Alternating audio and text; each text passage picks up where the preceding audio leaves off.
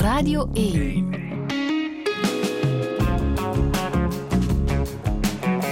Douche. Met Friede Lesage. En met Luc Wallijn. Goedemorgen. Goedemorgen. Hoe gaat het? Wel, behalve een beetje rugpijn gaat het best goed, ja. Ik hoop dat dat twee uur lang niet al te veel uh, pijn doet dan de volgende uren. Um, u bent een van de belangrijkste mensenrechtenadvocaten van ons land. Vijftig jaar al verdedig je mensen voor Belgische en internationale rechters. De pensioenleeftijd ben je toch al voorbij, hè? Ja, ik ben eigenlijk al een heel stuk pensioengerechtigd, uh, maar ik blijf toch nog wel graag actief voor het ogenblik, ja, zolang het lukt. Het, omdat het jou niet loslaat? Wel, het is, het, is, het is een heel mooi beroep eigenlijk, dat uh, ook een passie is. En bovendien de, de sector waar ik in werk, waar je met... Uh, uh, mensen werkt die in een heel zwakke positie zitten, die uh, zware dingen hebben meegemaakt, ja, daar, uh, daar blijf je toch gemotiveerd om daar verder aan te werken. vooral dan mijn dossier in Congo dat nog altijd loopt ja. en dat ik graag zou afhandelen. maar er zijn ook nog een paar andere dossiers natuurlijk. waar ik graag het einde van zou zien. Ja. ja. De strijd tegen straffeloosheid, dat is zo wat uh, je levenswerk geworden. Um, een strijd die je ook beschrijft in jouw boek Rechten zonder grenzen. Hoeveel symboliek zit er in die titel, Rechten zonder grenzen? Uh, ja, daar, daar, daar, zit veel in. Ja. Omdat uh, rechten, hè, dus het gaat niet over recht, het gaat over rechten, mensenrechten. Hè. Uh, die inderdaad uh, in een traditioneel concept eigenlijk binnen een bepaalde maatschappij gesitueerd zijn, maar die vandaag met de, de mondialisering die er is, uh, eigenlijk meer en meer wereldwijd moeten bekeken worden en waar mensenrechten schendingen elders onmiddellijk uh, consequenties hebben voor ons. Al is het maar omwille van de vluchtelingenstromen die daardoor veroorzaakt worden. Dus zonder grenzen, ja. Grenzen hebben in die 50 jaar voor mij een belangrijke rol gespeeld. ik heb in het eerste deel van mijn carrière vooral uh, bezig geweest met uh, vreemdelingenzaken, asielzaken, mensen inderdaad die de grens oversteken, visaproblemen enzovoort. Um, en dan, ja, vanaf de, de eeuwwisseling dan, enfin, iets ervoor, ligt het accent veel meer dan op wat in het buitenland gebeurt. vooral dan uh, rond Afrika en de zaken die ik ginder en hier heb verdedigd, ook voor het internationaal strafhof. En dan mijn werk ook met Advocaten zonder Grenzen, wat ook uh -huh. een, uh, een aspect van grenzen is. En hoe zou jij je als mens omschrijven? Wel, als mens, uh, ja, ik heb de neiging om, ik zou voor eerst zeggen, advocaat is, is iets wat toch wel mijn persoonlijkheid bepaalt ook voor een groot stuk. Um, ik, uh, ja, ik, ben, ik heb natuurlijk mijn leeftijd. Uh, dus ik, heb, uh, ik ben een oud 68er, zoals men dat zegt. 68 jaar. Dus dat, dat speelt nog altijd mee, die ervaring. Um, en als persoon, ja, ik ben heel erg wat mij raakt is onrecht. Hè? Dus uh, ook uh, uh, privé denk ik dat, of gewoon als je iets ziet in het dagelijks leven, moet je daarop reageren, vind ik. je kan je gewoon niet, niet zeggen, ik draai maar de rug om. ik denk dat ik vrij veel lijstend ben voor anderen, dus niet altijd prettig om mij te werken. Wellicht ook wat veel is het voor mezelf. Uh, ja, voor de rest. Uh. Ik zal nog wat aanvullen. Wat ik las in, uh, in je boek. Um, woorden van een collega van jou. Hij is bedachtzaam, zwijgzaam, ja, zelfs wat mysterieus. Herken je je daarin? Wel, ja, sommigen vinden dat ik wat ik vind mijzelf eigenlijk vrij sociaal, maar inderdaad, dat is misschien meer in de professionele, in, het, in de publieke sfeer dan in de privésfeer. Dus uh, ik geef mezelf niet graag bloot. Dat is juist, ja. Nu, je, hebt, um, je bent altijd in, in Brussel blijven wonen, in Schaarbeek meer bepaald, hoewel je ook heel veel werkte aan het internationaal strafhof van Den Haag. Dat was geen plek om uiteindelijk naar uit te wijken? Wel, Den Haag is een, is een interessante stad natuurlijk. Hè. Het is een, uh, het is een, voor juristen is het de hoofdstad van het internationale recht, met al die internationale rechtbanken en hoven die er zijn, maar ook heel die expat-community die daar rond draait. Uh, maar, en ja, collega's van mij die ook jarenlang op een dossier werken, die, die, ja, die huren daar een appartement en zo, heb ik nooit gedaan. Dus uh, uh, in de periodes dat ik echt dagelijks moest pleiten, ging dan meestal op een, een, in zo'n vakantie vakantiedorp iets huren. Maar om er te wonen vind ik de stad te stijf. Het is echt een, een uh, typisch Hollands stijve. Uh, maar is Brussel dan interessanter als mensenrechtenadvocaat? Ik vind, vind Brussel eigenlijk een fantastisch levendige stad. Hè. Het is de, een van de meest diverse steden van de wereld. Hè. En. Uh, ja, waar altijd heel veel interessante dingen gebeuren. Uh, zowel de manier waarop de stad moet georganiseerd worden. Uh, het is het, het, middelpunt van België en van Europa. En, en de problemen waar ik. Mee geconfronteerd ben, racisme, uh, discriminatie enzovoort, heel dikwijls uh, vonden, hier, vonden die hier in Brussel natuurlijk een, een hoogtepunt. Uh, dus ja, ik, ik woon graag in Brussel, inderdaad. Naast het feit dat ook op cultureel vlak toch wel een stad is waar heel veel mogelijkheden zijn. Luc Wallijn, welkom in Touché.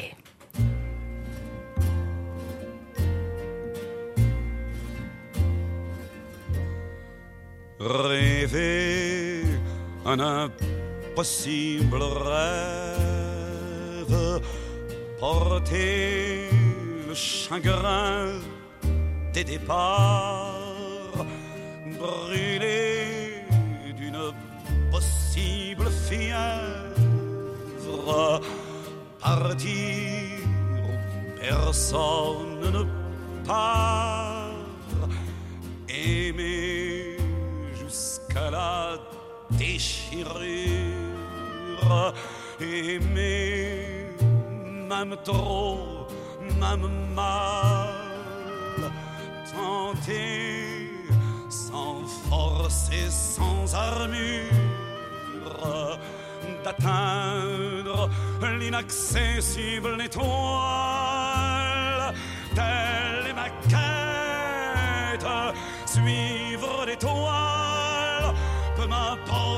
chances, peu m'importe le temps ou ma désespérance, et puis lutter toujours, sans question ni repos, se tanner pour l'ordre d'un mot d'amour. Je ne sais si je serai ce héros, mais mon cœur serait tranquille et les villes s'éclabousseraient de bleu parce qu'un malheureux. Brûle encore, bien qu'ayant tout brûlé, brûle encore, même trop, même mal pour atteindre à s'en écarteler. Pour atteindre l'inaccessible étoile.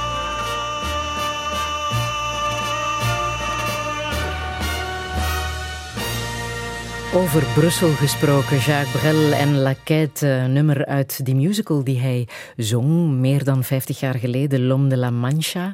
Luc Wallijn, waarom wou je dit nummer laten horen? Ja, ik heb dat nummer opgegeven omdat het een, uh, niet zozeer het nummer, maar het spektakel dat KVS toen gegeven heeft. Dat Viertal jaar geleden, hè? net 50 jaar na net, Jacques 50 Brel. jaar na Jacques Brel. Uh, en uh, dat toen in de tijd van Brel ook al toch, toch wel een hele prestatie was. Maar heeft mij echt wel geraakt in die zin dat de, uh, Don Quixote, de figuur van Don Quixote, spreekt me, spreekt mij ook wel aan, omdat ik, ik, ik, krijg soms het verwijt, ik kreeg soms dikwijls het verwijt van een soort Don Quixote te zijn. En de, voor de, de mensen zien Don Quixote dikwijls als een soort uh, schertsfiguur, een karikatuur.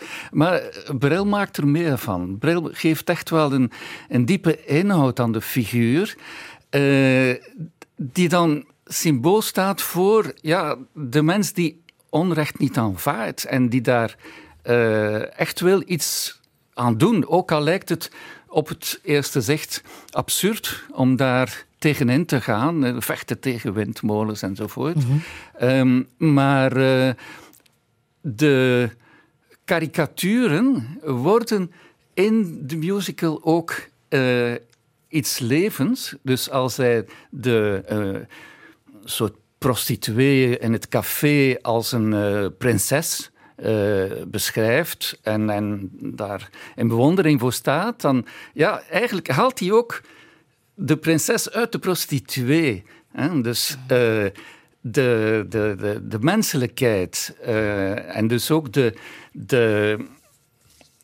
diverse figuren die, die erin. De, de, de baas van, van het café wordt een kasteelheer, het café wordt een, wordt een kasteel, maar het café kan ook een soort kasteel zijn voor sommige mensen als, als die zich daar gelukkig voelen. Uh, en dan wat uh, heel het, het uh, ja, je hebt het zelf gezien, zeg je, dus de, ja. de, de, de eindscène waar Dulcinea, waar de deuren open gaan op de, achter de KVS die uitgeeft op het plein, waar Dulcinea naar buiten loopt, als het ware haar collega's de prostituees die daar wandelen, de Romeinse en Bulgaarse vrouwen die daar tippelen.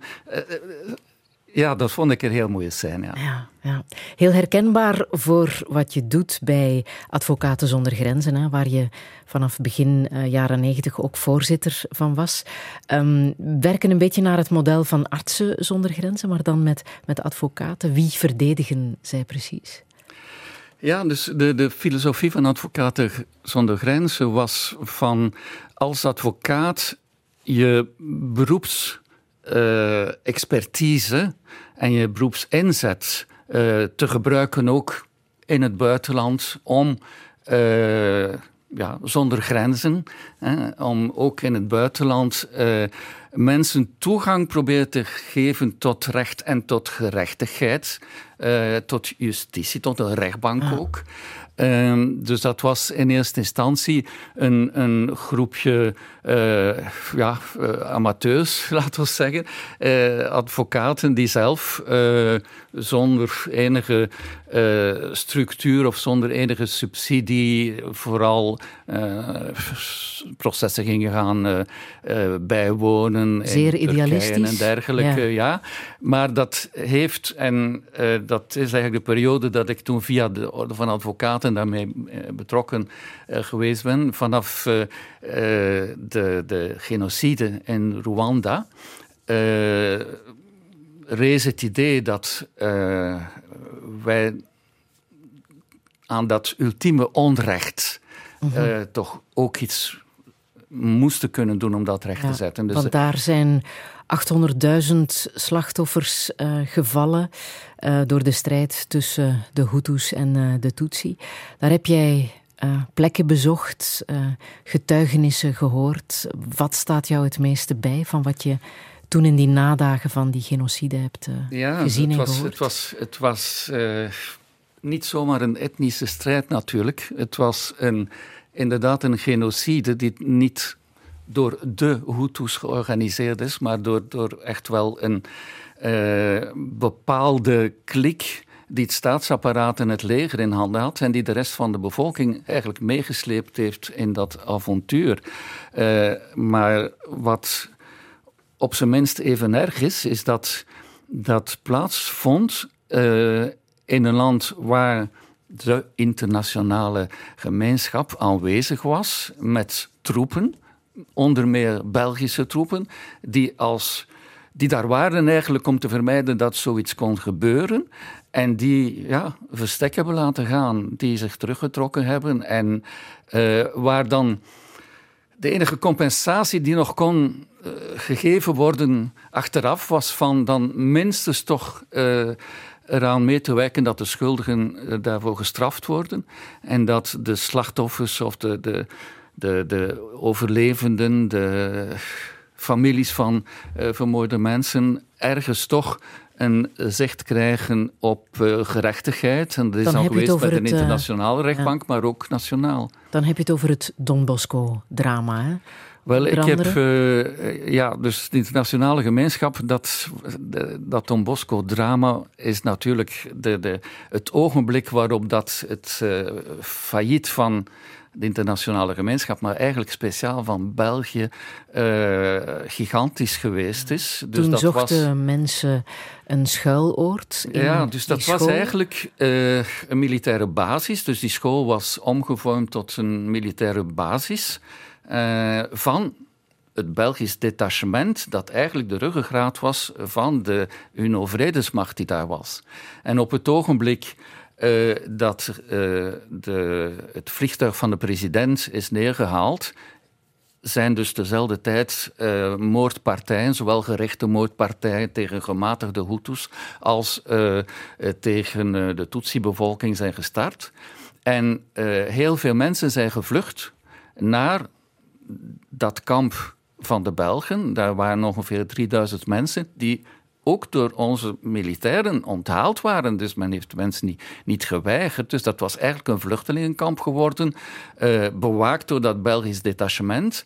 Maar waar uh, die milities met uh, en, en speren en, en, een paar geweren gewapend voor de deuren en, en daar rond stonden. Maar die waren eigenlijk geen partij voor, voor voor die uh, Belgische paras, die daar ook uh, in die eerste dagen uh, zonder problemen hebben kunnen standhouden. Maar het is vanuit Brussel dat het bevel gekomen is. Wij moeten daar zo snel mogelijk weg, nadat inderdaad die tien Belgische soldaten vermoord waren. Maar eigenlijk met de bedoeling precies dat dat zou gebeuren.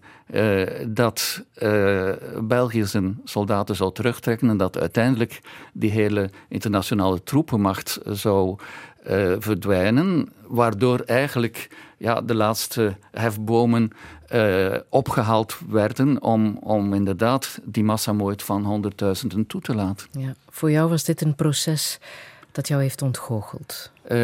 dat heeft mij zeker ontgoocheld. Ik uh, ik ben daar geweest. Ik heb die school ook bezocht. Ik heb ook uh, uiteraard uh, overlevenden van dat drama als cliënt gehad. En wij zijn toen met een aantal naar de burgerlijke rechter gestapt hier. Om te bekomen dat de Belgische staat mede aansprakelijk zou gesteld worden van voor wat daar gebeurd is. Uh, uiteindelijk, uh, zelfs de militairen ter plaatse uh, wisten eigenlijk, en toen ze het bevel kregen, hebben dat ook gezegd aan hun oversten, waardoor dat zelfs de terugtrekking een dag is uitgesteld. Dus men heeft gezegd, nee, we kunnen dat uh, jullie vragen ons van al, gewoon naar de luchthaven te gaan, maar hier zijn 3000 mensen ja, die. We laten die in de steek. We laten die in de steek. Die zullen gewoon uitgemooid worden als we hier dat weg is zijn. Gebeurd, ja. Dan heeft men, en toen waren er ook zelfs uh, nog een aantal internationalen die daartussen zaten, en mensen van de Verenigde Naties enzovoort. Dan heeft men het een dag uitgesteld en zijn Franse troepen alle internationale uh, mensen komen weghalen. Uh, de blanken, kan je zeggen, heeft, heeft men geëvacueerd. En ook een aantal uh, Afrikanen en zo die voor internationale instellingen wijkten. Maar geen enkele Rwandees mocht mee met uh, die, die -hmm. Franse vrachtwagens, zelfs wanneer de Fransen een, een, een, een van de ministers die onder bescherming stond van de, de Verenigde Naties en van de Belgische troepen, eh, die ze thuis niet meer konden beschermen en zelf naar Ginder hadden, gevraagd, eh, hadden gebracht als de Fransen die wouden meenemen, want die man had ook de onderhandelingen meegevoerd en zo. Toen heeft, hebben de Belgen gezegd, nee, laat die niet, jullie zullen daar last mee krijgen. Het was uh, een keerpunt in jouw carrière, hè? de gruwel zien van uh, Rwanda. Uh, Rwanda was inderdaad een keerpunt in mijn carrière.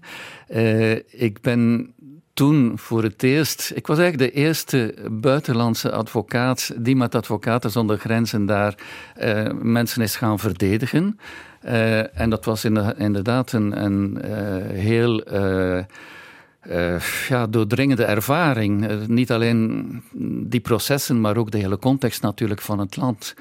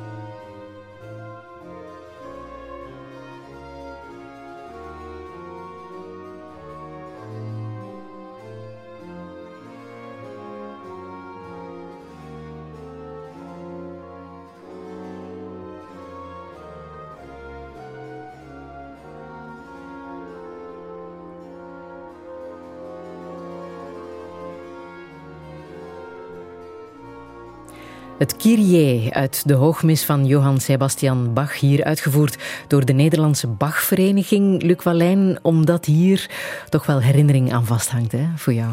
Uh, ja, de, we hebben alleen de intro gehoord natuurlijk. Het is een polyfonische uh, mis. Dat roept herinneringen op, inderdaad, omdat ik als kind lid was van het Brugse kathedraalkoor. En waar we dus ook dagelijks dan uh, ja, een half uur vroeger uh, op school moesten zijn om uh, dergelijke polyfonische muziek in te oefenen. En, was je een goede zanger? Wel, ik was een goede sopraan, yeah. fluit, ja. Yeah. Tot mijn stem het dan opgegeven heeft tijdens de puberteit. Maar ja, inderdaad. en daarna niks meer gedaan met, met zang? Met zang niet direct. Uh, wel daarna, uh, wij hadden ook toen in, in het kader van de school uh, het kathedraalkoor. was ook het, het, koor van een orkestgroep, Ons Dorade, die nog altijd bestaat trouwens, een orf. Uh, groep die het Orf Instrumentalium en de Orf uh, Muziek populariseerde. Uh, een speciale methode voor kinderen. En daarmee gingen we ook op concertreis elk jaar in Duitsland, Oostenrijk, mm Hongarije. dus dat was ook eigenlijk wel deel van de ervaring als jongere, dat je ehm, buiten de grenzen leert kijken. We gingen dan heel dikwijls logeren bij particulieren in Duitsland en zo, waar je moest proberen om je verstaanbaar te maken en soms van die vreemde dingen op tafel uh, krijgen die je moest opeten. Uh, maar dat was, het was een, ook een heel interessante ervaring. Ja. Maar je bent dus opgegroeid in de jaren 50, 60 in, in Brugge in een oer-katholiek gezin.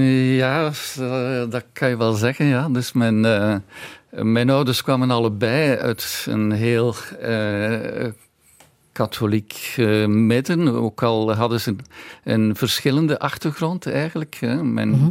mijn, de familie van mijn moeder kwam eigenlijk uit een, uh, een familie die, broer in het verzet enzovoort, heel uh, anglofiel, terwijl dat eigenlijk aan mijn vaders kant. De drukkerij van, uh, van mijn vader heeft eh, tijdens de oorlog bijvoorbeeld werken van Verschaven gepubliceerd. Dus ze kwamen eigenlijk uit twee totaal verschillende achtergronden, maar allebei zeer uh, katholiek. Ik had drie ooms missionaris bijvoorbeeld. En dan nog een aantal uh, groottantes die in het klooster zaten.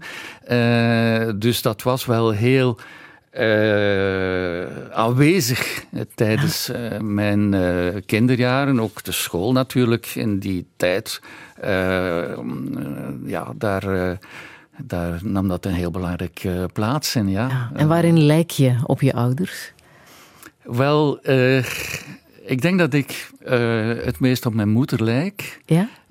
die eigenlijk ook een zeer geëngageerde figuur was. Hè? Dus zij uh, in de jaren voor mijn geboorte heeft zij nog uh, uh, campagne gevoerd voor het vrouwenstemrecht, stel je voor. Dus dat was 1947, 48, uh -huh. voor de vrouwen konden stemmen in ons land. Het is tegenwoordig moeilijk in te beelden dat dat nog het geval was. Maar zij heeft daarvoor nog gemiliteerd in het kader van toen de, de christelijke arbeidersvrouwen. En uh, daarna is, uh, heeft ze zich geëngageerd in de middenstands, christelijke middenstandsvrouwen. Ook in de CVP toen voor een stuk ook eh, mandaten gehad in de provincie en dergelijke. Dus het was, uh, het was iemand die wel geëngageerd was en die ja, heel, heel hard werkte uh, met vijf kinderen, met het bedrijf waarvan ze de administratie deed en dan toch ook tijd vond om sociaal nog actief te zijn. Ja, en weet je nog als kind wanneer je dat gevoel zelf hebt gehad dat je niet tegen onrecht kon, dat je je daar tegen wou verzetten? Uh, wel, dat is misschien toch ook iets dat we meegekregen hebben met onze opvoeding. Ja, dat, uh, dat zat thuis verweven dat, uh, in de opvoeding. Dat dat niet kan, ja. Mm. Um, en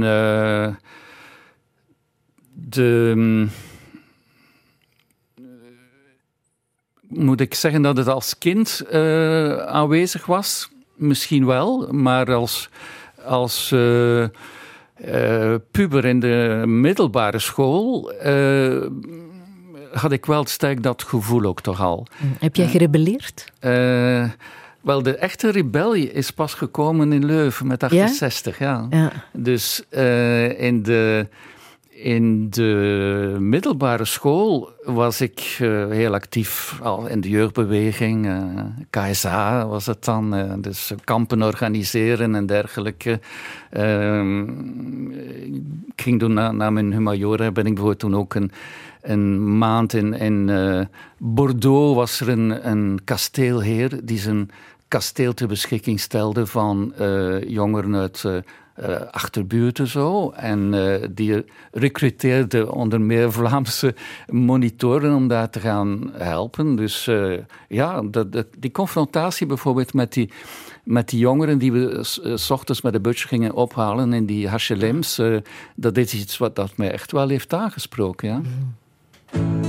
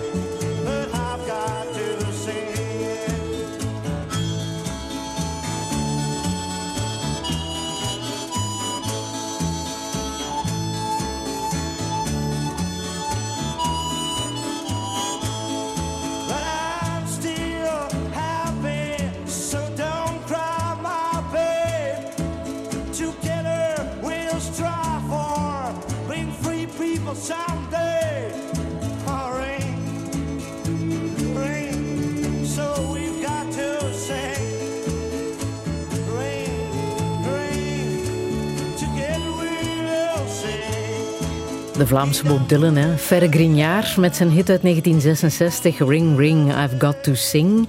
Luc Wallijn, voor jou is dit een heel bijzonder nummer, hè? Wel, ja, ik heb dus... Uh een herinnering inderdaad aan die periode. Ik heb uh, Ferre Grignard, dat was eigenlijk de, de eerste keer dat ik in levende lijven uh, een protestzanger uh, heb uh, horen optreden in een heel beperkte kring. In een, klein cafeetje, een bruin café in, in Brugge dat uh, de Black and Ten heette. En dat eigenlijk een zogenaamd Provo-café was. Dus naar de Provo's in Nederland in die tijd. dus dat, dat was eigenlijk de plek in Brugge die een heel traditionele stad was. Waar jongeren ja, dat die nieuwe toekomst uh, gingen aftasten. Uh, kijken wat er gebeurde in Nederland, wat er gebeurde in de Verenigde Staten. Uh, dus de, de, de protestzangers rond Vietnam en dergelijke. Uh, dat was iets dat mij uh, heel erg aansprak. Ik had ook grote discussies toen met mijn vader over uh, Vietnam of over het optreden van onze militairen in Congo bijvoorbeeld. Stanley Stad. Toen, dus het leek wel evident dat jij naar Leuven trok om rechten te gaan studeren? ja, Leuven was eigenlijk een, een, een, een must. moet ik zeggen. Ik had in Gent kunnen gaan studeren, zoals veel bruggelingen dan gingen met de trein gaan pendelen, maar ik wou echt weg uit dat Brugge dat ik toch wel heel bekrompen vond. En Leuven was toen al heel broeierig. In 66 was er een eerste staking geweest rond de de mogelijk, mogelijke overheveling van de Franstalige afdeling die geëist werd door de uh, Vlaamse beweging. Dus daar, daar, werden, daar werd regelmatig betoogd en, en dergelijke. Dus uh, ja, dat was eigenlijk wel de place to be. Mhm. Uh, en dat is ook zo gebleken achteraf. Ja, maar als romantisch hoogtepunt herinner je je vooral de bezetting van het studentenrestaurant, Alma 2. Um, was, jij daar, was jij daarbij? Ja, ik was, ik was daarbij. Ja. Dus ik heb daar ook letterlijk op de barricade gestaan. Dus wij, wij, wij maakten echt barricades met, uh, met uh, kasseistenen uit de Krakenstraat. Die werden uh, uit, de, uit de straat gehaald en, en opgestapeld. en die, die fameuze dag in Alma 2, dat was eigenlijk het ogenblik waarop een wetsvoorstel besproken werd in de Kamer rond precies die overheveling van de Franstalige afdeling. Dat proces was eigenlijk ontstaan als een flamagantistisch initiatief, eh, maar was eigenlijk in de loop van de weken in Leuven eh, geradicaliseerd naar een links-democratische eis voor meer democratie aan de universiteit. Eh, de, de, die Franstaligen werden beschouwd als, eh, kwamen, meestal uit de Brusselse burgerij. Uh, en wij wouden eigenlijk dat ook een universiteit, eerder in Wallonië, samen met Waalse studenten ook. En dus die fameuze dag in de Alma toen nam Paul Goossens het woord en die zei: Kijk, uh, ik stel voor dat we hier allemaal blijven bezetten. Hij was toen net uh, terug vrij. Was toen net terug, terug uit de Heeft even vastgezeten. ja. ja. En uh, dus we blijven bezetten tot de regering valt. Er was de regering van de Boeinans.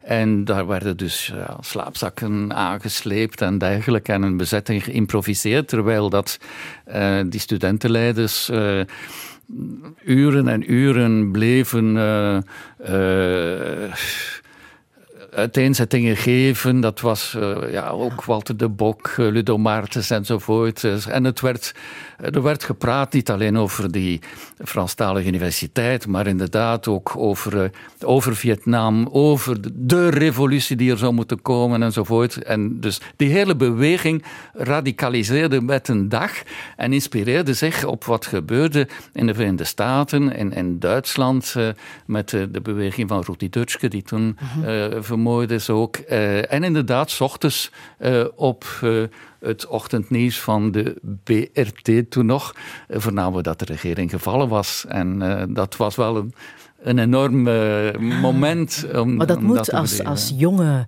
kerel toch zeer overweldigend geweest zijn. Hè? Dat je zo'n revolutie meemaakt. Ja, je had eigenlijk wel het gevoel dat je ja, de wereld aan het veranderen was, ja, laten we zeggen. Hè? Je, je, je, je brengt een eis naar voren, je, je, je gaat daarvoor uh, op de barricade staan en betogen en roepen. Mhm. En dat gebeurt dan ook effectief. Ja, en je was wel vrij trouw aan het uh, principe. Hè? Je woonde ook in een commune, je schreef ook voor het blad Amada, je ging daar toch behoorlijk ver in. Ja, in de, in de tijd van, van in 68, ja. uh, dat was het eerste jaar dat ik aan de universiteit was. Toen, uh, uh, dat was een van de voorwaarden van mijn ouders, dat ik het eerste jaar in een zogenaamde PEDA moest gaan logeren. Dat dus heeft dan blijkbaar niet zo lang geduurd. Maar dat heeft, niet, dat heeft maar nee? een jaar geduurd. En de, inderdaad, in de, in de jaren daarna ja, probeerden wij dan ook op privé vlak ons te organiseren op een meer progressieve manier. En dus, hoe was dat, dat leven in een commune? Uh, wel, uh, ik heb daar een heel goede herinnering aan, alhoewel dat daar ook natuurlijk wel conflicten waren en zo. Dat was een,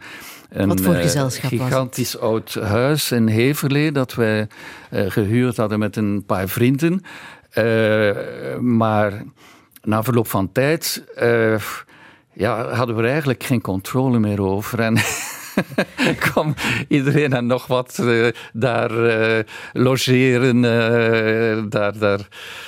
Dat werd, daar werd met drugs geëxperimenteerd en verhandeld en uh, dies meer. Maar het was, het, was, het, was, het was een heel gezellige boel. We kregen dat we op een dag bijvoorbeeld informatie van uh, iemand uh, wiens vader bij de politie was, die aankondigde dat daar een huiszoeking zou gebeuren. En dan, ja, dan was dat paniek overal. Werd, alle, werd er in de tuin een grote put gemaakt en alle uh, bezwaard materiaal werd daarin begraven. En toen de volgende dag de huiszoeking niet kwam. dan werd die put terug opengemaakt. Dan was het groot feest. Dat, was, dat was wel een, een bijzondere ambiance. Maar de universiteit moest er niets van hebben. Dus uh, met mijn paard uh, van toen werden we bij de vice-rector geroepen.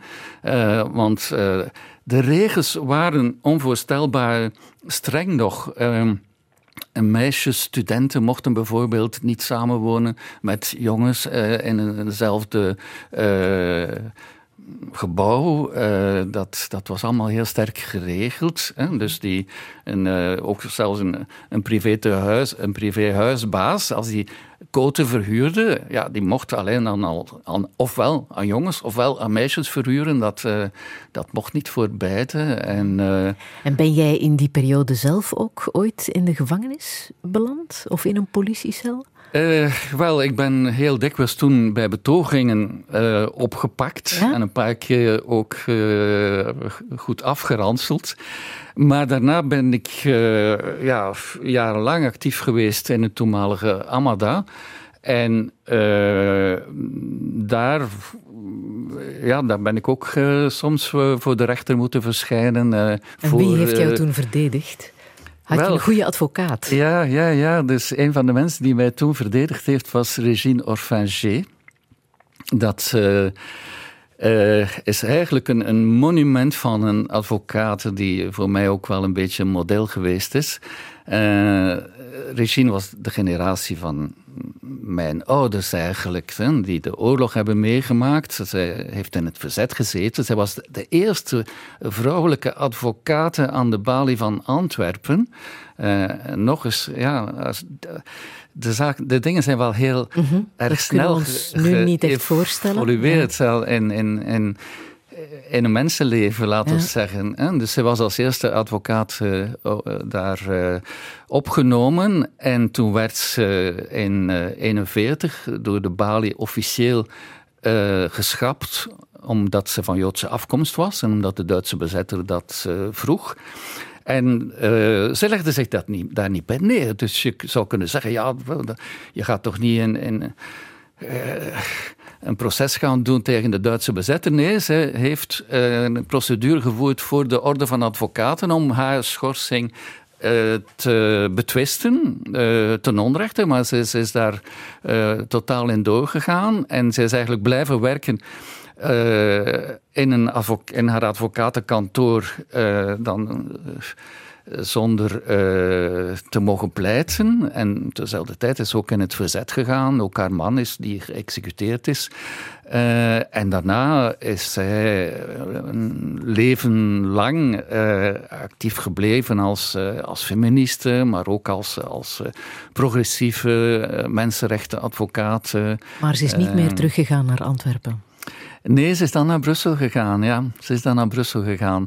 Zij was ook Franstalig natuurlijk, alhoewel dat ze een, een, een Nederlandskundig was. Maar uh, uh, zij was nog een van de advocaten die wettelijk het recht had om in het Frans te pleiten voor een, Nederlands, voor een Vlaamse rechtbank. Niemand weet dat zoiets ooit heeft bestaan, maar als uh, het, de, het gerecht uh, in Vlaanderen vernederlandst is, ja, dan uh, de mensen die hun eet afgelegd hadden voor 1933, denk ik, mochten nog levenslang uh, in het Frans pleiten -hmm. voor een Nederlandstalige. Maar zij, zo'n belangrijk figuur, heeft jou uh, verdedigd toen Zij heeft mij toen verdedigd, ja. Uh, ik, heb, ik heb verschillende processen gehad. Ik ben soms vrijgesproken. Ik ben ook eens veroordeeld voor weerspannigheid. Uh, alhoewel men eigenlijk mij iets op de rug zette dat niet ik, maar iemand anders had gedaan. maar, Schuldig veroordeeld. Ik was, ik was natuurlijk wel een beetje bekend. En dus ja, als uh, door, vanwege de politiemensen. Ook omdat ik als advocaat meestal dan de onderhandelingen ging voeren over een toelating voor een betoging, die dan geweigerd werd. Maar uh, ja, dus uh, mijn gezicht was wel bekend en als er werd uh, opgepakt, was ik er dikwijls bij.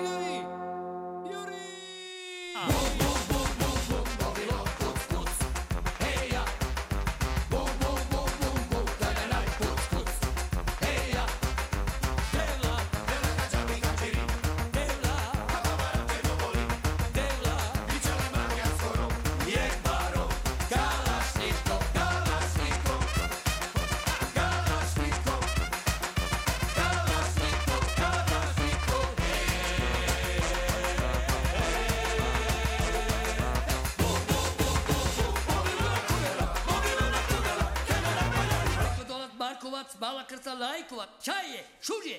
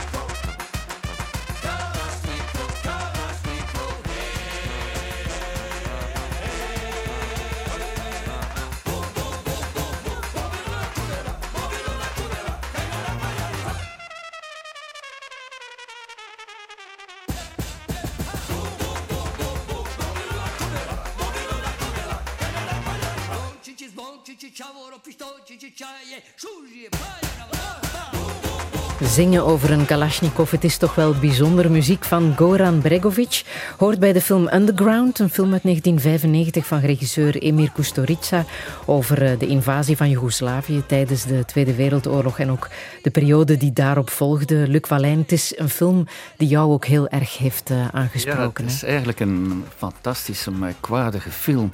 En vandaag met... Uh, de achtergrond van het conflict in, in uh, Hongarije en in, uh, Oekraïne. in Oekraïne meer dan ooit actueel. Dus het is de vorige keer dat er een oorlog was in Europa, hè, de oorlog in, in Bosnië hier, maar ook de, de, hij bezinkt eigenlijk met het lied Kalashnikov ook voor een stuk de, de aantrekkingskracht van het geweld en van de oorlog. Het is een, eh, de film is, is, heeft iets dubbelzinnigs. Het is een film vol heimwee naar het Joegoslavië eh, van uh, voor het conflict, dat eigenlijk een, best een, een, bijna een voorbeeld was van een land waar verschillende etnische groepen uh, vreedzaam kunnen samenleven, tot op het ogenblik dat het dan helemaal barst.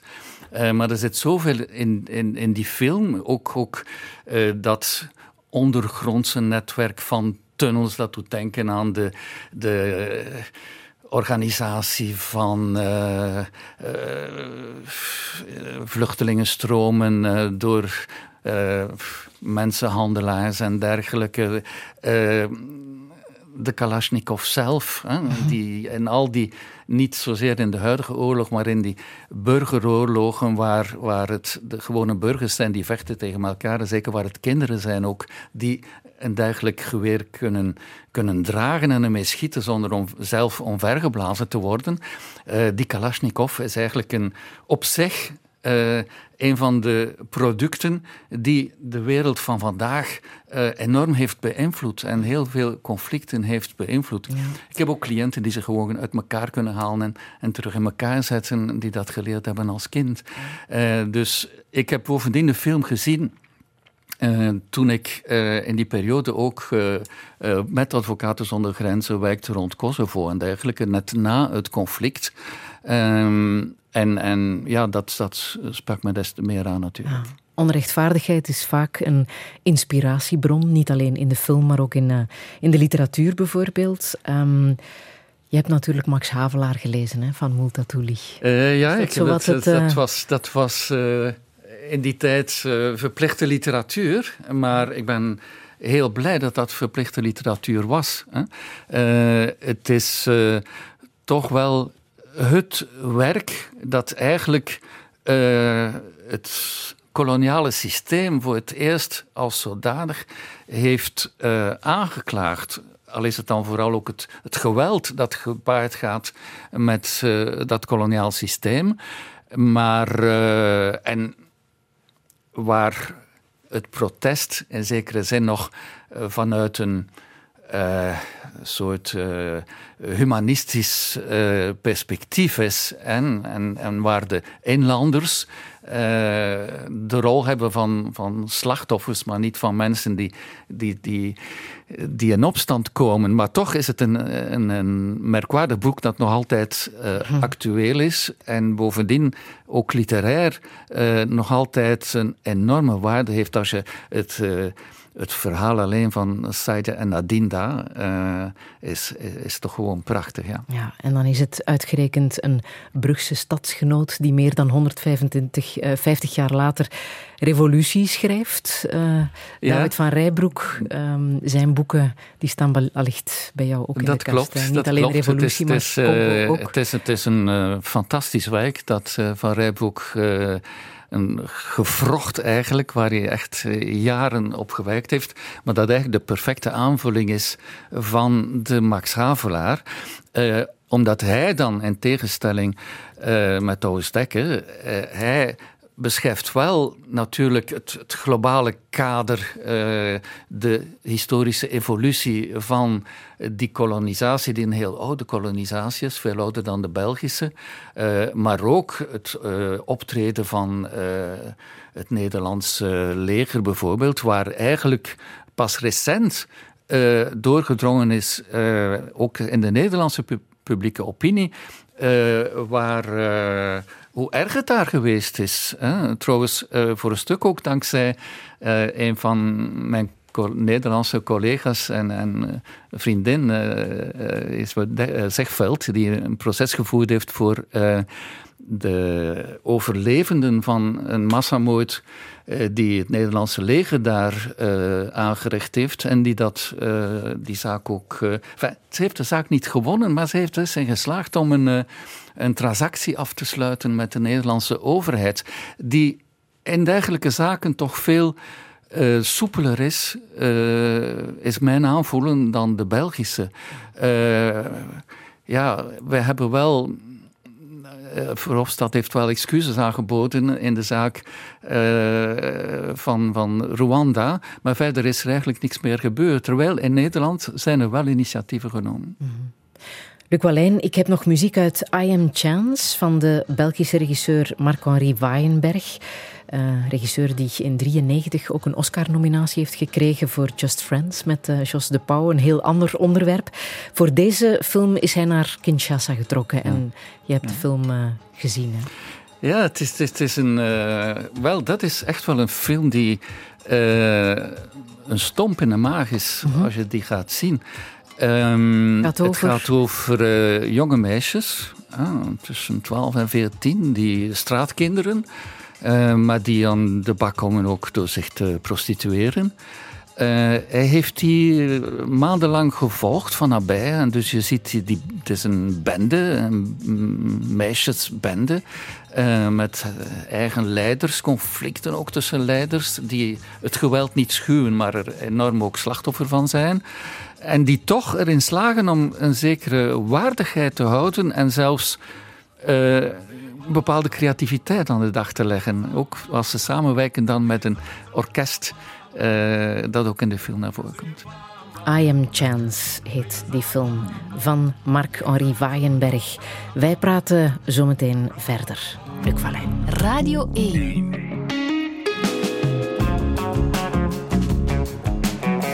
Douche. Met Friede Lesage. En met advocaat Luc Wallijn, opgegroeid in een oer-katholieke familie in Brugge, volwassen geworden onder de vlag van Amada en uitgegroeid tot de meest geprezen mensenrechtenadvocaat van ons land. Als voorzitter van Advocaten zonder Grenzen zag hij de gruwel van de genocide in Rwanda. Het zou een onuitwisbaar keerpunt worden in zijn carrière. Maar hoe moet het verder? Zullen we ooit een wereld creëren waarin woorden als vluchteling en racisme niet meer bestaan? En wat als hij nog één keer kon praten met Ariel Sharon? Dit is Touché met Luc Wallijn. Een goede middag. When they poured across the border, I was cautioned to surrender. This I could not do. I took my gun and vanished.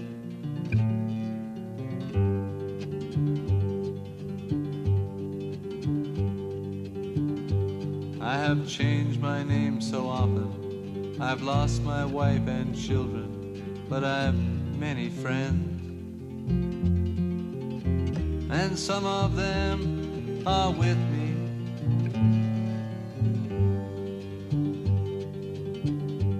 An old woman gave us shelter, kept us hidden in the garret. Then the soldiers came. She died without a whisper.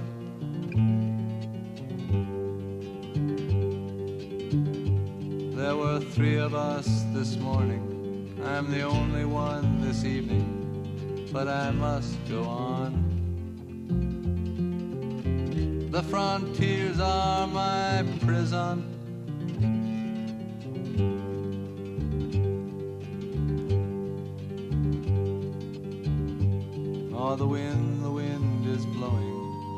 Graves the wind is blowing. Freedom soon will come.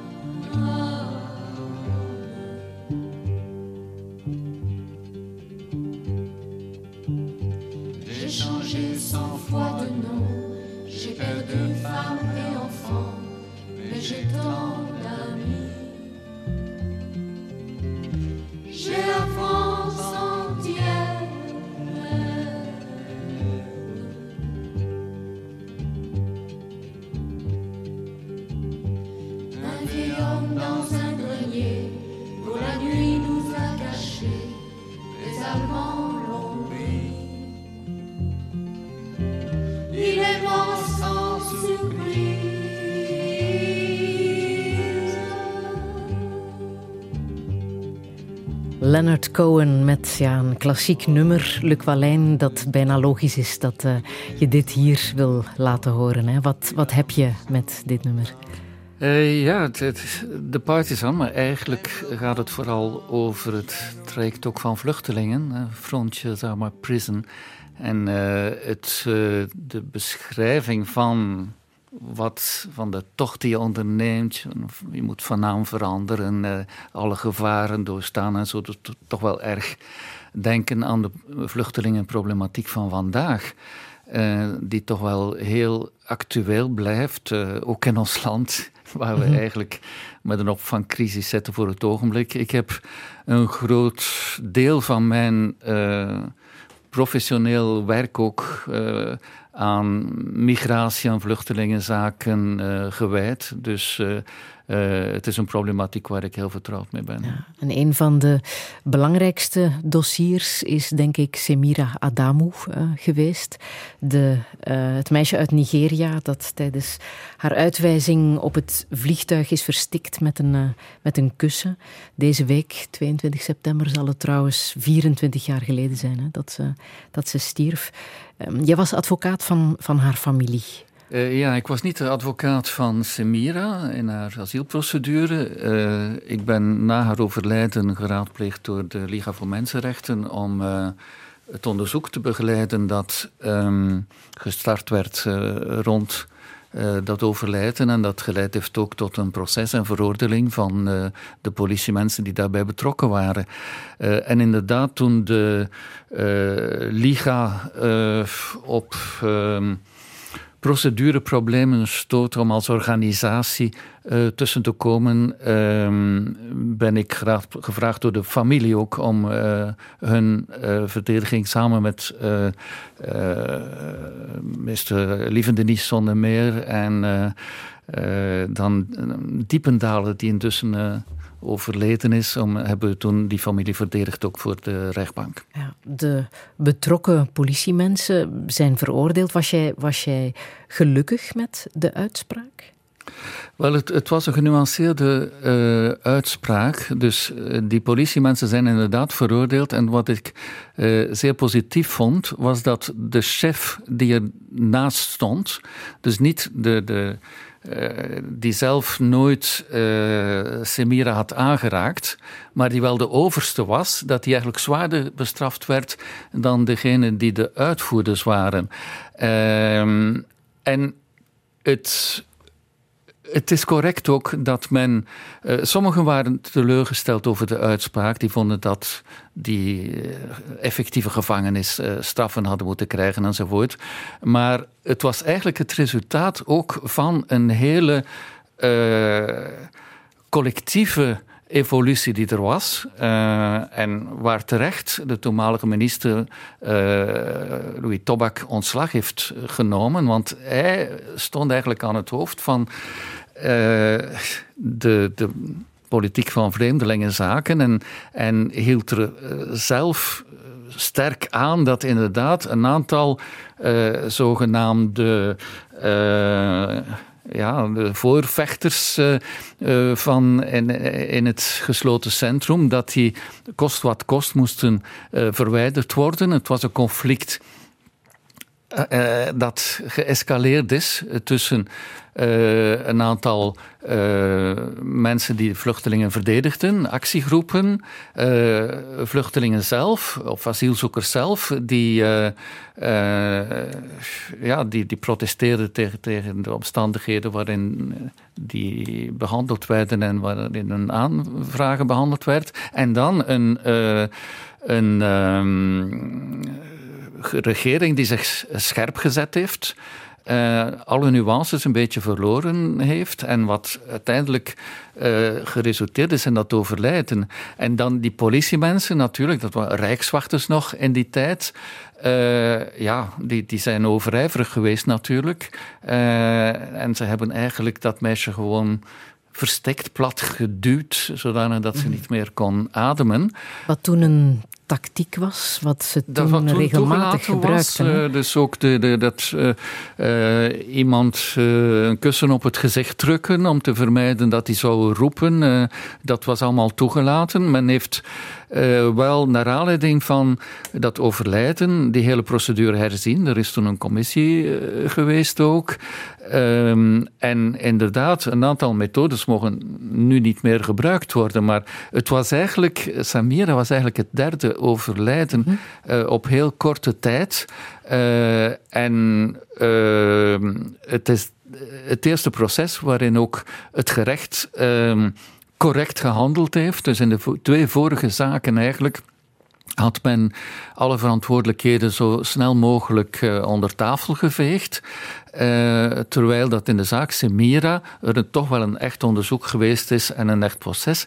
Voor een stuk denk ik ook omdat die beelden er waren. Er was een uh, videoopname van de Rijkswacht zelf. Alles was gefilmd. Waar ja. je eigenlijk ziet hoe die twee politiemensen uh, dat meisje gewoon ter dood brengen. En dat, dat, zijn, dat zijn beelden die wel een sterke indruk gemaakt hebben toen op iedereen die in die settingzaal was. Toen er een uh, nieuwe naam werd gezocht voor de Leopold II-tunnel in Brussel, was Semira Adamou een van de namen op de shortlist. Het is ondertussen Annie Cordy geworden, een Waalse variété-artiest. Was dat toch een gemiste kans. De Semira Adamu-tunnel had ons nog wat meer ja. heel dat dossier in herinnering kunnen houden. Hè? Het, was, het was misschien een gemiste kans, maar het was voor een stuk misschien ook een, een beetje als provocatie ervaren, omdat die tunnel ook vlak naast de Albert Weela ligt, waar de diensten van Vreemdelingenzaken en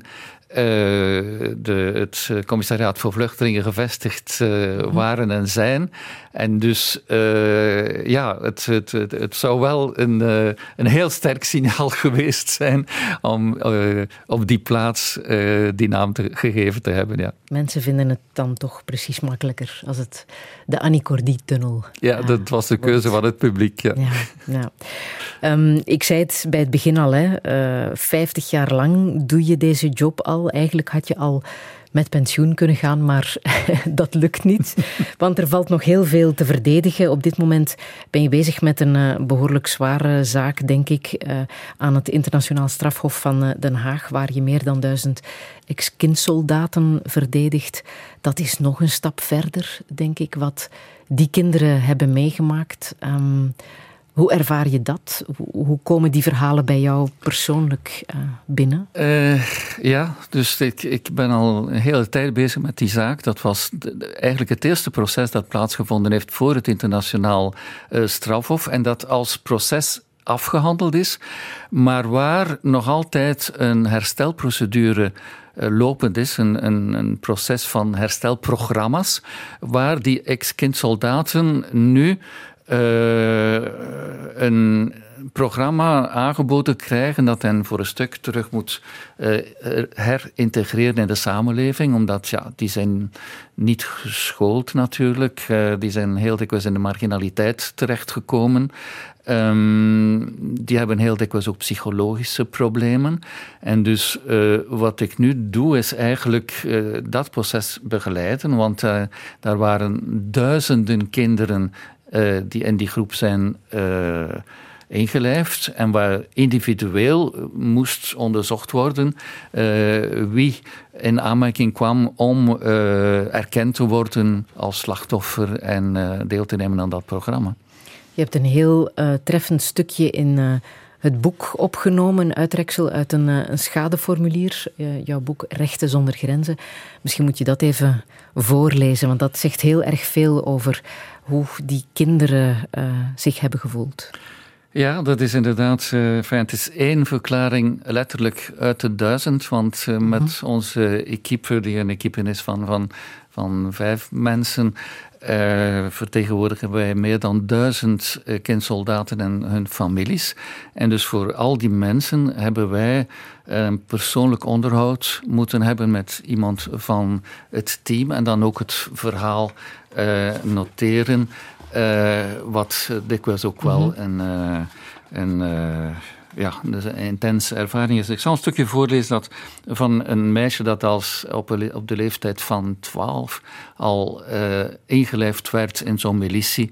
En uh, daar uiteindelijk ook uh, naar huis gegaan is met een kind dat voortkwam uit verkrachting. Ik zal het begin lezen. Op een dag was ik water gaan halen in de beek toen UPC-soldaten me vonden. Ze dwongen me mee te gaan en brachten me naar hun kamp in Mandro, waar ik met andere kinderen werd opgesloten. Ik moest de nacht doorbrengen op de vloer zonder eten. De volgende dag begon de training. Het was zwaar. Opstaan om vijf uur s morgens, ons wassen in het ijskoude rivierwater. De hele dag oefeningen doen, rennen, over de grond kruipen, technieken om niet gezien te worden. We leerden hoe je een wapen uit elkaar haalt en weer in elkaar zet. Fameuze Kalashnikov. Uh, S'avonds kregen we bilo te eten. Bilibol is een, is een mengsel van rijst en bonen, dat de dagelijkse kost was. En eh, dat je heest met de handen moest opscheppen uit de pan. Al tijdens de training namen ze mij als vrouw. Ik stond ter beschikking van verschillende soldaten en commandanten. De eerste die me dwong was commandant Maki, de leider van onze groep.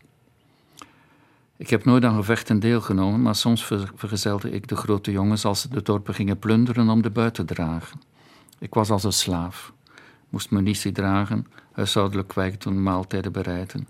Als je geen zware gewichten kon dragen, kreeg je zweepslagen. Maar het ergste was het seksueel misbruik, want ik was erg jong en ik was nog nooit met een jongen geweest. Uh, dit is helemaal geen uitzondering. Uh, ik heb het gekozen omdat het eerder representatief is, tenminste toch voor wat de meisjes uh, betrof, die soms ook toch naar het front werden gestuurd, maar meestal eigenlijk als slaafje werden gebruikt. maar waar eigenlijk uh, geen enkel meisje dat ik, geen meisje slachtoffer dat ik ontmoet heb, ontsnapt is dan, die seks, dan dat uh, seksueel misbruik. Verdedig je die als slachtoffer of als dader? Ik verdedig die als slachtoffer. Uh, kinderen van tussen 10 en 15 die uh, na schooltijd soms, uh, of uh, gewoon toen ze op het veld werkten, door militairen werden meegenomen en gedwongen ingrijft in zo'n militie, die hebben inderdaad ook vreselijke dingen gedaan. Dus die, die waren, zijn, zijn kinderen, die, cliënten die ik heb, die gedwongen werden van hun eigen ouders te vermoorden. Um, maar uh, dat kan je geen daders noemen. Hè? Ook in ons recht ben je geen dader als je een uh, strafbaar feit pleegt op de leeftijd van 14 jaar. Um, dus het zijn werkelijk slachtoffers, ook al worden ze door, door een omgeving niet als slachtoffer gezien. En dat was eigenlijk ook voor ons in het proces als advocaat de grote opdracht om dat imago om te turnen en eigenlijk ook ten opzichte van van de, de plaatselijke bevolking uh, constant de boodschap mee te geven dat dat slachtoffers waren en geen daders, wat ze ook gedaan hebben. Uh, en wat ze gedaan hebben maakt trouwens deel uit van een slachtofferschap. Mhm. Want in de eerste jaren uh, na, de, na de oorlog. Uh, wat toen naar voren kwam, was vooral de zweepslagen die ze gekregen hadden en onvoldoende te eten enzovoort enzovoort. Maar wat nu vandaag, nu ze zelf kinderen hebben en zo, veel meer naar voren komt, is de, de psychische problemen die dat meebrengt. Van uh, ja, het feit dat je als kind uh, mensen vermoord, verminkt hebt. Dat, blijft je, dat blijft je de hele leven meedragen natuurlijk.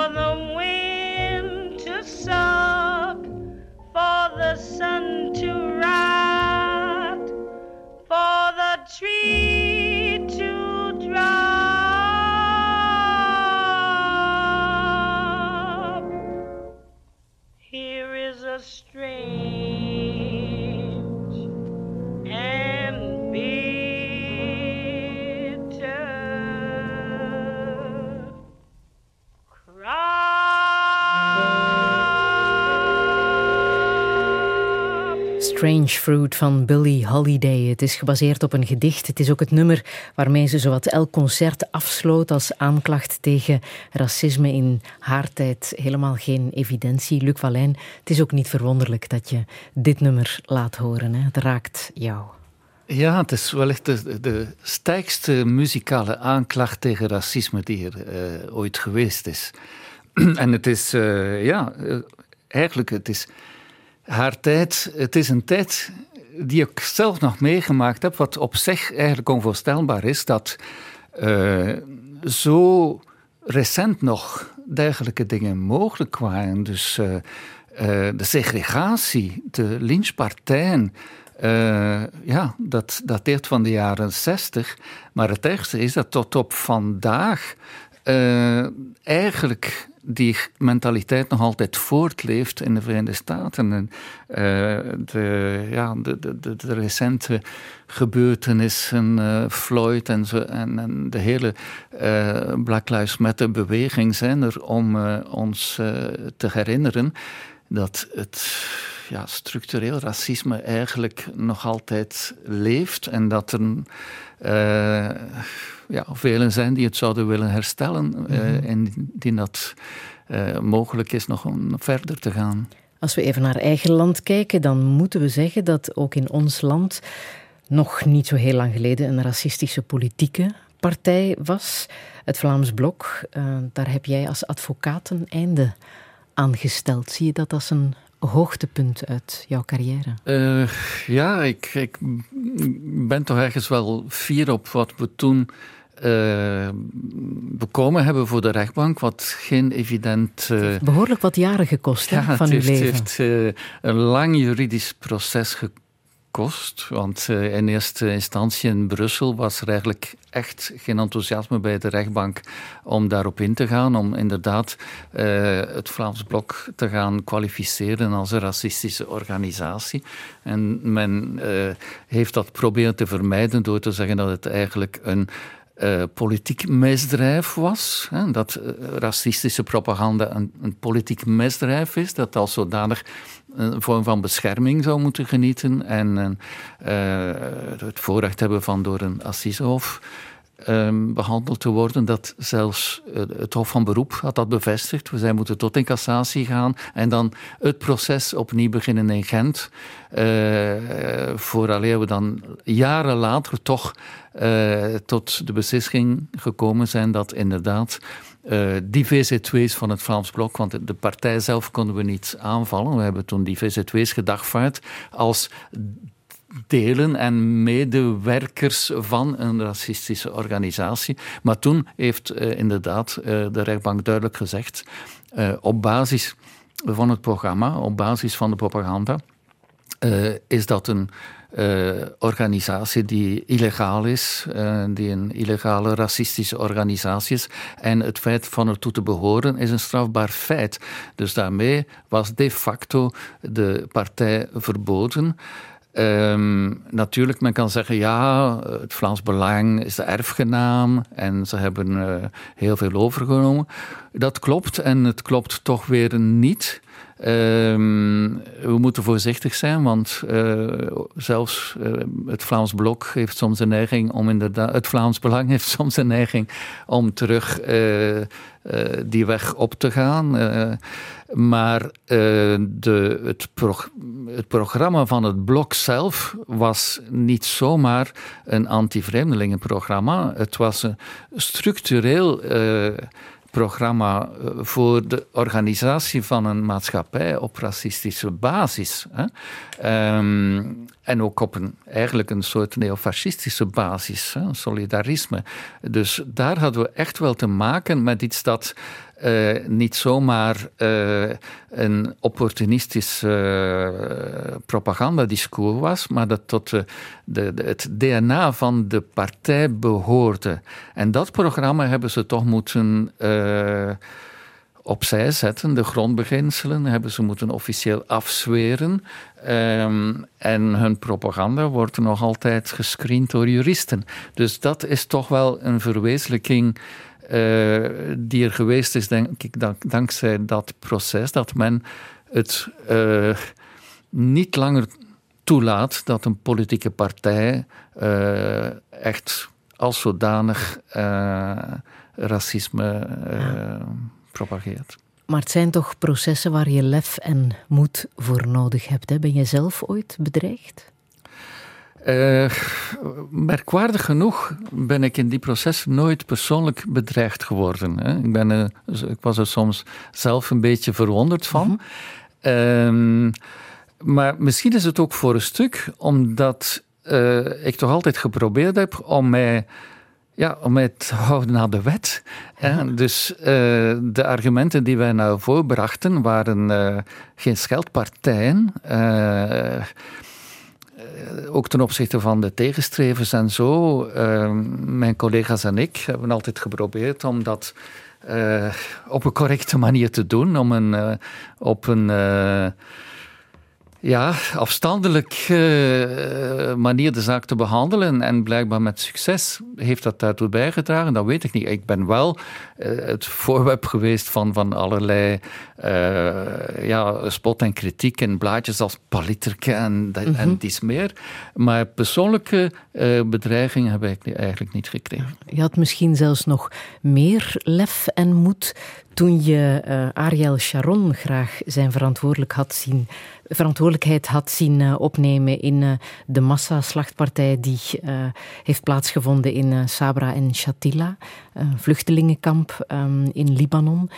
Um, dat is echt wel bijzonder, hè? dat je als advocaat die stap neemt om een uh, gewezen defensieminister aan te klagen en op zijn verantwoordelijkheid uh, te wijzen? Uh, ja, het initiatief kwam niet van mij. Hè. Het initiatief kwam van een Libanese advocaat, Shibli Malat, die werd aangesproken door de, de slachtoffers van, de overlevenden van de, die massamoord. En die in de tijd toen België een uh, wet uh, had dat, uh, die, die zeer ruime internationale bevoegdheid voorzag voor misdaden tegen de mensen en oorlogsmisdaden, die zocht naar Belgische advocaten die hem konden bijstaan voor een procedure hier. En Michael Vragen en ikzelf hebben dat uiteraard niet geweigerd. Dus het was een, eigenlijk een, een, een heel ja, juridisch sterke zaak, zou ik zeggen. En uh, internationaal heel erg opgepikt. Ja, het, het, kwam, het kwam misschien voor sommigen naar voren als iets uh, utopisch, maar uh, het wettelijk kader was er. Men heeft het achteraf moeten dat kader aanpassen om, om die procedure en andere procedures uh, stil te leggen. Maar er was ook een dossier bijna dat dat te beschikking lag. In die zin dat er een parlementaire uh, onderzoekscommissie was, geweest was in Israël zelf. Dat eigenlijk toen de, de minister Sharon als mede-aansprakelijk had uh, gelabeld. Uh, er was heel veel opzoekingswerk gedaan door historici. door een Noorweegse commissie die de hele oorlog had uitgevlogen. wij hadden massa's documentatie, getuigenissen, video's.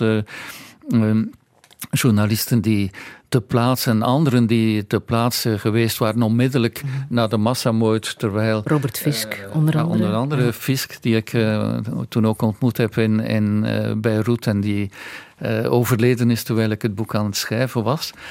Um, maar ook anderen, zoals de uh, verpleegster uh, Ellie Siegel, die, die, die, ge, was, uh, die getuigd had voor de commissie van de Kagaan-commissie in Jeruzalem. En, en die ook bereid was om mee te werken aan onze zaak. Dus we, maar uiteindelijk is dat niet gelukt. Nee, dat is niet kunnen dat, wel, klagen. in de eerste aanval is afgeslagen in die zin dat men eerst geprobeerd heeft van Israëlische zijde uh, om de uh, wet die betrekking, betrekking, had op universele bevoegdheid voor oorlogsmisdaden, om uh, die zo te interpreteren dat die alleen van toepassing was als de beschuldigde zich op Belgisch grondgebied uh, bevond. De onderzoeksrechter had dat gevolgd en zelfs de rechtbank, maar uiteindelijk heeft het Hof van Cassatie toen ons, ons daarin gelijk gegeven.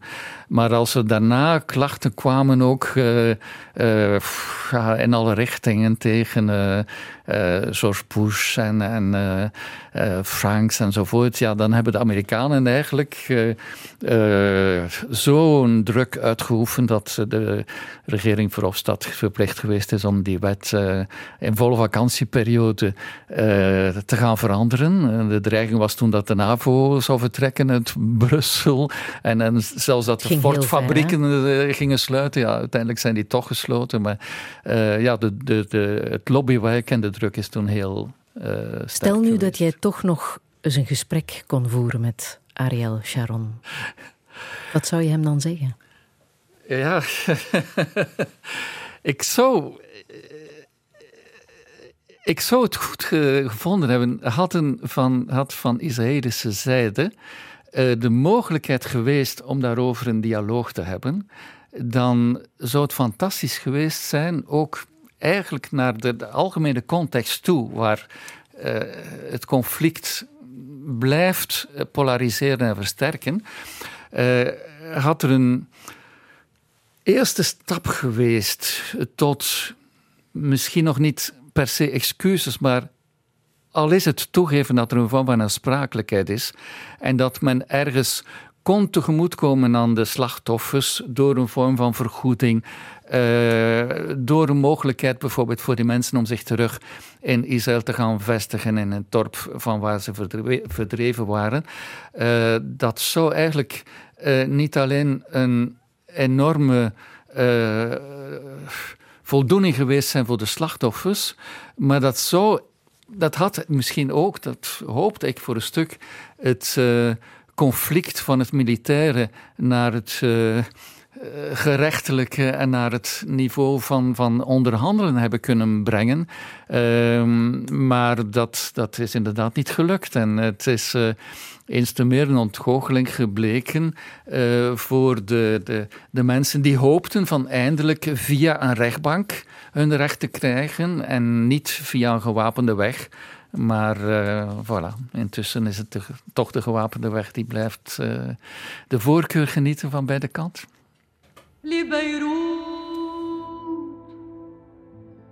من قلبي سلام لبيروت وقبل للبحر والبيوت لصخرة كأنها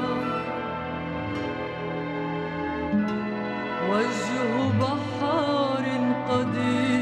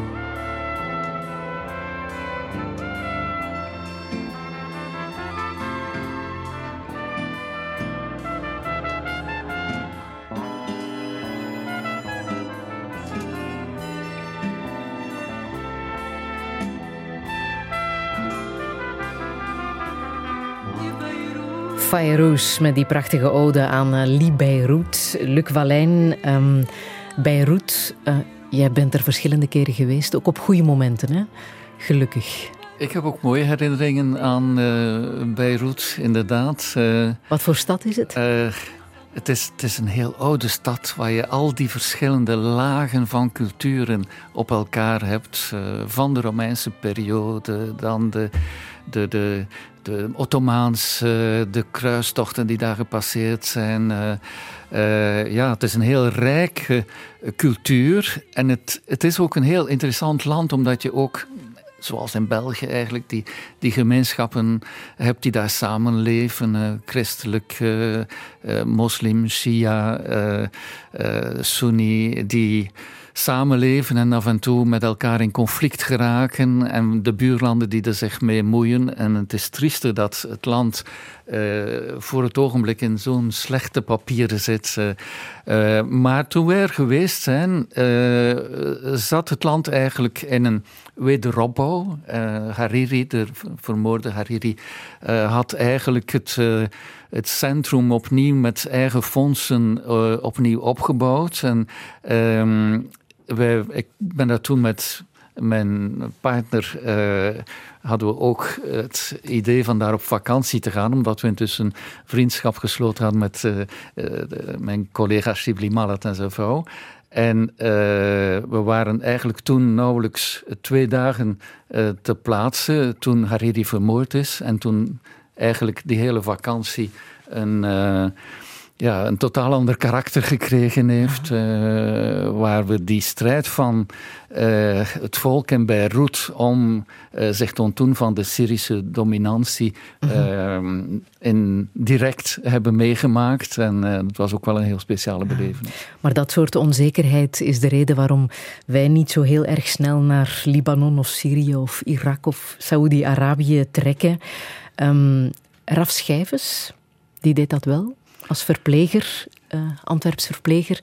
Zoveel jaar geleden heeft hij er eh, gewerkt, maar in november 2000 is hij daar eh, opgepakt en 26 maanden heeft hij in de gevangenis doorgebracht. Jij hebt hem destijds verdedigd als advocaat, maar ik wil hem even laten vertellen hoe hij zijn gevangenschap heeft beleefd. Mijn, mijn martelingen gebeuren in de mate van dat ik dat ze mijn kinderen hebben, dat ze bedreigd hebben met mijn kinderen te ontvoeren. Dus eh, psychologische druk. Ik heb eh, 26 maanden in volledige isolatie gezeten, waarvan 13 maanden het verschil kennende tussen dag en nacht, met eh, 24 uur op 24 licht aan, twee camera's op u, met alleen een boek, volledig, volledig van de buitenwereld afgesneden. Eén keer per maand mocht je even de, de Belgische ambassade zien. Dat op zich is al, is al enorm traumatiserend. Touché. Raf Schijvens, hij was daar als verpleger. Hè? Hij was daar aan het werk als verpleger. Waarom was hij opgepakt? Hij was daar aan het werk en eigenlijk... Uh, hij is opgepakt als verantwoordelijke, zogezegd, van een bomaanslag, waarvan hij zelf de slachtoffers heeft uh, uh, verzorgd. Want uh, het waren vrienden van hem. En er waren verschillende wagens die naast na elkaar reden, waar een van die wagens ontploft is. een aanslag vermoedelijk van jihadisten of iets dergelijks. Maar men heeft dat proberen in de schoenen te schuiven van expats. Uh, dat, die zouden te maken hebben met alcoholtrafiek en dergelijke. En men heeft uh, RAF, maar ook nog andere Britse en één Canadese expat aangehouden. En die zijn allemaal eigenlijk maandenlang uh, gefolterd tot ze bereid waren om toe te geven dat zij daarvoor aansprakelijk waren voor die aanslag en nog andere aanslagen. Eigenlijk een hele reeks die er geweest is. Uh, Raf heeft ook op tv uh, moeten schuld bekennen en dergelijke. Ehm, hij is daar, heeft daar eigenlijk weinig steun ervaren van de Belgische overheid tijdens zijn gevangenschap. Die eigenlijk altijd de houding aan hem, ja, is het waar, is het niet waar, we weten het eigenlijk niet. Uh, terwijl het zo duidelijk was dat, uh, dat dat totaal een opgezet uh, zaak was. Uh, en wij hebben geprobeerd, ik heb toen geprobeerd als advocaat, om uh, ook voor de, de rechtbank uh, te kunnen een klacht in te dienen tegen die folteraars die gekend waren. De namen waren gekend. het waren officieren waarvan een ervan trouwens achteraf promotie gekregen heeft. En een, de prins die als eerst als minister van Binnenlandse Zaken aansprakelijk was voor de veiligheidsdiensten. Ja, dat, dat was natuurlijk een bekende persoon. Um, maar uh, dat is toen ook uh, niet gelukt. Men heeft geoordeeld uh, dat folteringen in die gevangenissen van Saoedi-Arabië niet genoeg algemeen verspreid zijn om echt als een misdaad tegen de mensheid uh, beschouwd te kunnen worden. Wat eigenlijk het gevolg van het onderzoek had moeten zijn en geen a priori. Dat kon men niet zonder, zonder onderzoek beweren. Maar we hadden vooral gehoopt ook van dan toch minstens een vorm van schadevergoeding te kunnen krijgen van de Arabische overheid. Maar uh, ondanks de tussenkomst van iemand als de minister Michel, vader uh, Michel, is dat niet gelukt. En de volgende ministers hebben zich daar niet langer aan geïnteresseerd. Is er voldoende aandacht voor internationale justitie in ons nieuws?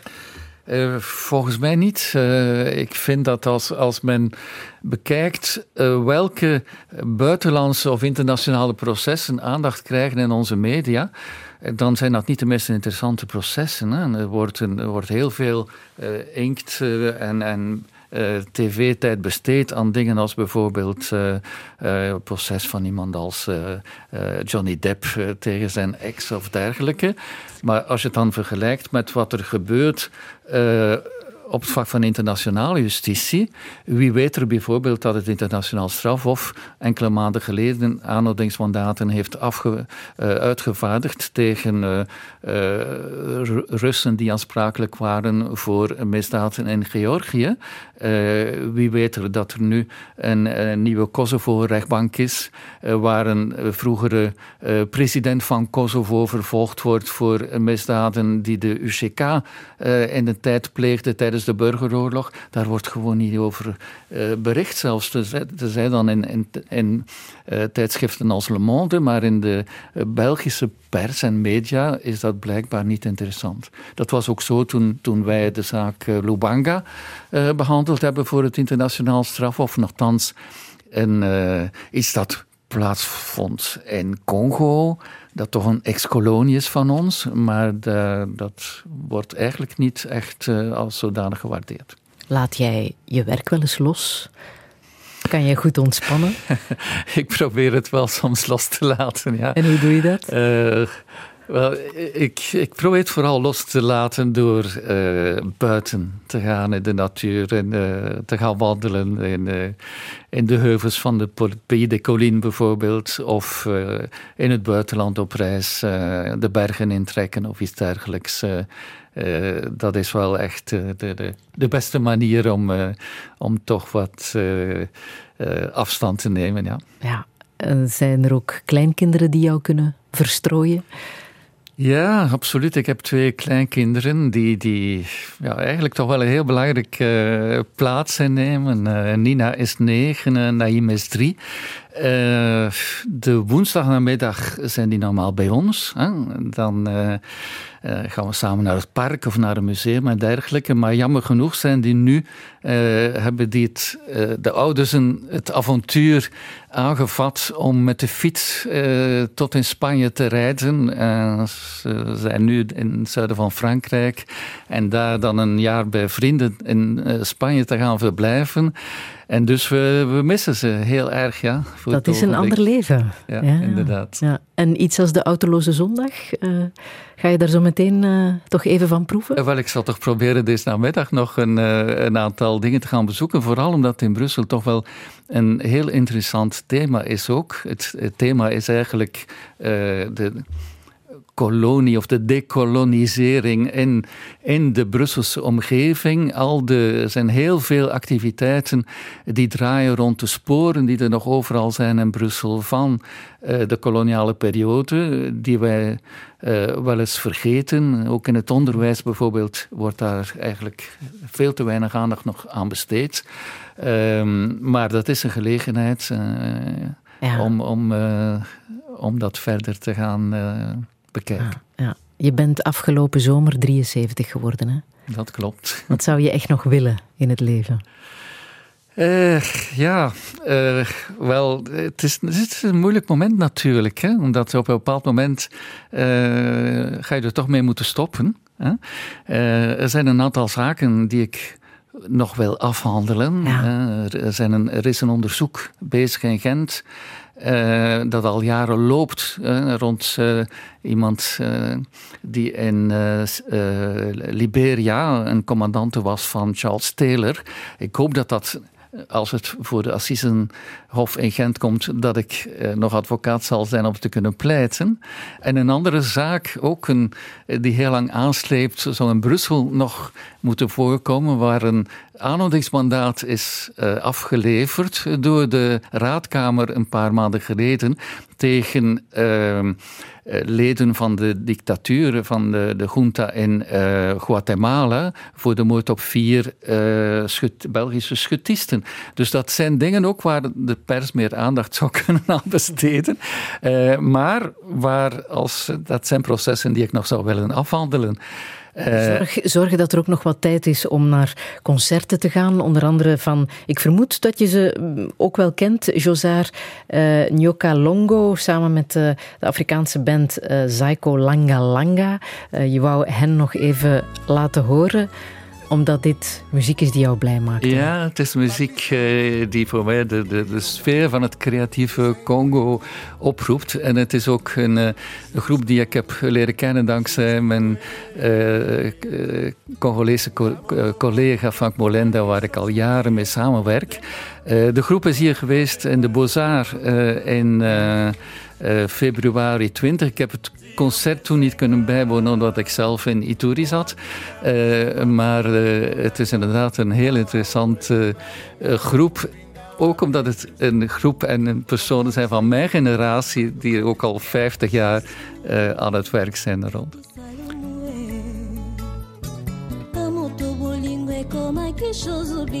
motema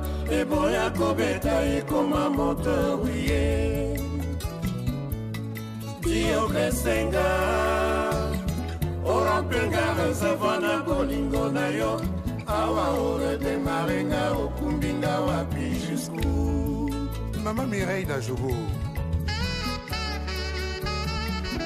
tony sas